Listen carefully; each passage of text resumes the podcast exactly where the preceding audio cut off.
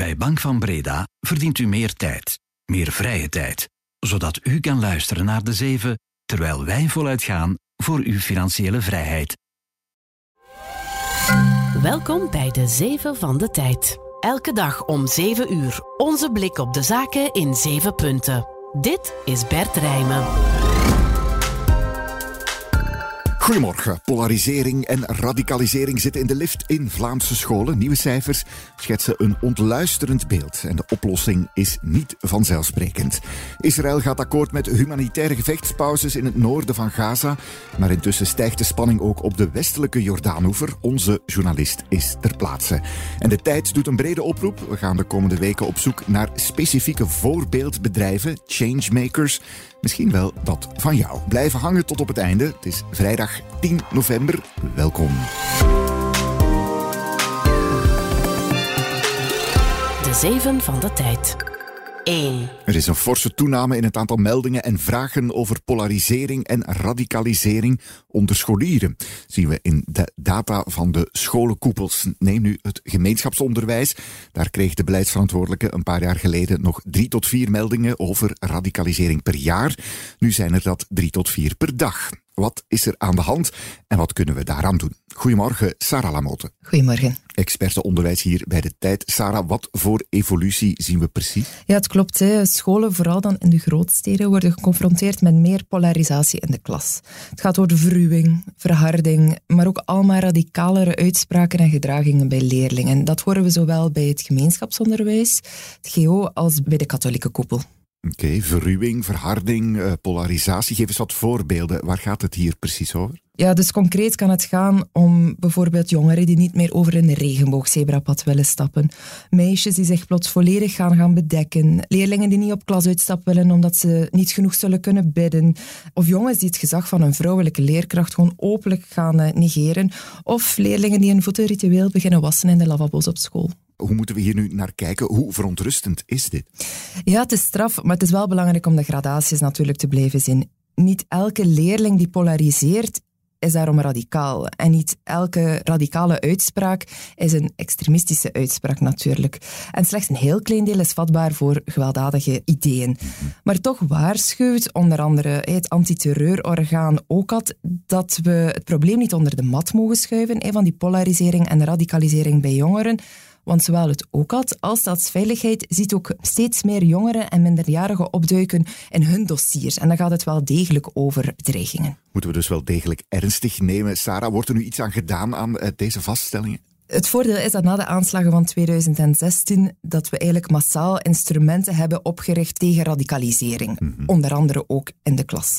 Uh, er zijn vormingen, er zijn netwerken, er zijn stappenplannen, er zijn vertrouwenspersonen, ga zo maar door. Dus het komt erop aan om die nu allemaal weer in het leven te roepen en dat gebeurt ook. Minister van Onderwijs Ben Weits pleit er ondertussen wel voor dat scholen hard mogen optreden, ook kunnen sanctioneren wanneer het echt wel de spuigaten zou uitlopen. En hij zegt van kijk, we zouden overal in alle scholen dezelfde grenzen moeten stellen en handhaven. Dankjewel, Sarah Lamotte. Graag gedaan. 2. Een dubbele zucht van opluchting voor de beleggers en de top van Bpost. Ten eerste durft het postbedrijf nu weer een winstvoorspelling te doen. Voor het eerst sinds de schandalen. En ten tweede krijgt de lang verwachte pakjeswet nu definitief groen licht. Die zal de concurrenten van Bpost waarschijnlijk wel wat pijn doen. Post kwam gisteravond na beurs met zijn kwartaalcijfers. Velen hielden de adem in voor een tegenvaller, maar het valt dus wel mee. De globale omzet is gedaald en als je het geld meetelt dat het bedrijf opzij moet houden na de schandalen, dan is er nog altijd verlies. Maar er zijn afgelopen kwartaal wel meer en duurdere pakjes afgeleverd. Daarnaast gaat de klassieke brievenpost in ons land minder hard achteruit dan elders.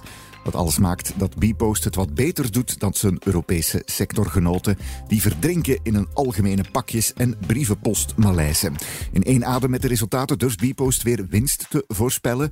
Voor het volledige boekjaar moet die boven de 240 miljoen landen. Al is de mogelijke verdere uitstroom van kasmiddelen voor de schandaalmalversaties daar dus niet in meegerekend. Ten tweede heeft het parlement ook het licht op groen gezet voor de nieuwe pakjeswet. Die zit er al langer aan te komen en moet in de loop van volgend jaar komaf maken met allerhande wantoestanden. Courriers in zwart werken, te lange uren kloppen of te weinig betaald krijgen. Er komt onder meer een wettelijke minimumvergoeding en recht op rust. En dat zouden de pakjesconcurrenten van Bpost wel eens kunnen voelen in hun balansen. 3. You're fired. You can't fire me. I quit. You can't quit. I quit. Opvallend cijfer van op de Belgische arbeidsmarkt. 1 op de zes nieuwe werknemers stopt al binnen een half jaar met zijn nieuwe job. Blijkt uit een onderzoek van Sociaal Secretariaat Securex. Tot nog maar eens aan hoe schaars en duur goede werknemers zijn op dit moment. Securex deed een steekproef op ruim 9000 werknemers die vorig jaar een vast contract kregen. Een zesde daarvan was na een half jaar alweer gestopt. Meestal was het een I-quit en nam de werknemer zelf ontslag. Dat noemen we dan fast quitting. En dat was goed voor twee derde van de stopzettingen. Een derde was een you're fired, waarbij de werkgever het contract beëindigde. Zo'n vroegtijdige stopzettingen gebeuren significant vaker bij arbeiders dan bij bedienden. En vaker bij kleine dan bij middelgrote of grote bedrijven. En het is net bij zo'n klein bedrijf dat een snel ontslag een zware impact kan hebben. 4. Israël gaat akkoord met humanitaire gevechtspauzes in het noorden van Gaza. Elke dag zou er vier uur lang niet geschoten of gebombardeerd worden. De maatregel kwam er gisteravond op vraag van de Amerikanen. Bedoeling is om inwoners de kans te geven om te vluchten voor het geweld. Aan de andere kant van de Palestijnse gebieden, op de westelijke Jordaanoever, stijgt intussen ook de spanning. Collega Henk Dedene is daar voor de tijd, meer bepaald vlakbij Bethlehem, in de illegale nederzetting Tekoa, een Joodse kolonie in Palestijns gebied. Ook daar was er de voorbije weken al veel geweld en er wordt ook gevreesd voor een verdere escalatie. Goedemorgen Henk. Goedemorgen. Je bent daar in die nederzetting in Palestijns gebied. Eh, Henk, hoe gaat het daar nu aan toe sinds de start van de oorlog in Gaza? Je, voelt, je voelt de onveiligheid en, en, en de terreur en de angst overal. Er zijn enorm veel militaire checkpoints met, met tot op de tanden bewapende militairen. Uh, iemand vertelde me net hier in de kolonie dat uh, sinds 7 oktober iedereen met een geweer onder het kussen slaapt. Ik zit hier uh, in de lokale koffieshop en je ziet hier naast mij een man met in één hand de, de baby op zijn arm en de andere, man, andere hand zijn automatische geweer. Dus, dus je voelt die spanning hier enorm. Je bent ook mee buiten die nederzetting geweest, Henk, op patrouille. Ja, op zich waren de, de Palestijnse dorpen waren hier eerst. Die, die kolonisten zijn hier gekomen, hebben het land ingenomen. Maar nu voelen ze zich bedreigd hè, door de, de escalatie. Dat is de, hun standpunt. Uh, er is heel veel geweld uh, op de hele westelijke Jordaan. Over dagelijks wordt er over en weer geschoten, vallen er doden en slachtoffers. En dus willen ze zich verdedigen. En, en ze hebben meegeweest met een aantal burgers. Een paar met uh, knuppels, paar met geweren, die ja, letterlijk op patrouille gaan om te kijken dat de Arabieren niet te dichtbij komen uh, bij, bij hun vestiging. Mm -hmm. Je hebt tijdens die patrouille ook met iemand kunnen spreken. Laten we eens uh, even luisteren. We're taking uh, a short walk for about an hour just to, you know, survey the area around the community and uh, make sure that everything looks looks good and looks normal and that we're uh, you know, just uh, showing our presence here around the place that we live. We zijn hier op wandeling, uh, zegt deze man. Zij het dan gewapend om onze aanwezigheid kenbaar te maken. Op patrouille dus, met de kinderen uh, er ook bij. Ja, die kinderen waren mee. Ze vergoelijken het een beetje. maar als je dan doorvraagt, zeggen ze, ja, wij willen onze kinderen echt niet het gevoel geven dat wij zwak zijn. Van, van als ze jong zijn, moeten ze tonen, moeten ze beseffen dat wij de sterke hier zijn. Het is enkel door sterk te zijn dat we de Arabieren zullen afschrikken. Maar ja, het is wel degelijk. Ze bewapenen zich, ze zijn op hun hoede en ze voelen zich enorm bedreigd vanuit hun standpunt. Maar natuurlijk, als je met de Arabieren praat, dan worden die met enorm veel agressie uh, geconfronteerd. En daar krijg je hetzelfde verhaal. Met dat verschil dat zij daar natuurlijk al veel langer wonen en dat die kolonisten nog altijd daar illegaal zijn conflict zit daar ook op de westelijke Jordaanoever, dus muurvast. Is er een soort van ja, zicht op oplossing, Henk? Ja, oplossing niet, maar hier over oplossingen spreken is, is bijna onmogelijk. Iedereen is, is, zo radeloos, niemand ziet het nog. Hmm. Uh, ik sprak met een aantal specialisten die zeggen, op, op zich is dit is hier het Wilde Westen. Hè. Het leger beschermt Palestijnen niet, nemen vaak het kamp van, van, van de kolonisten in.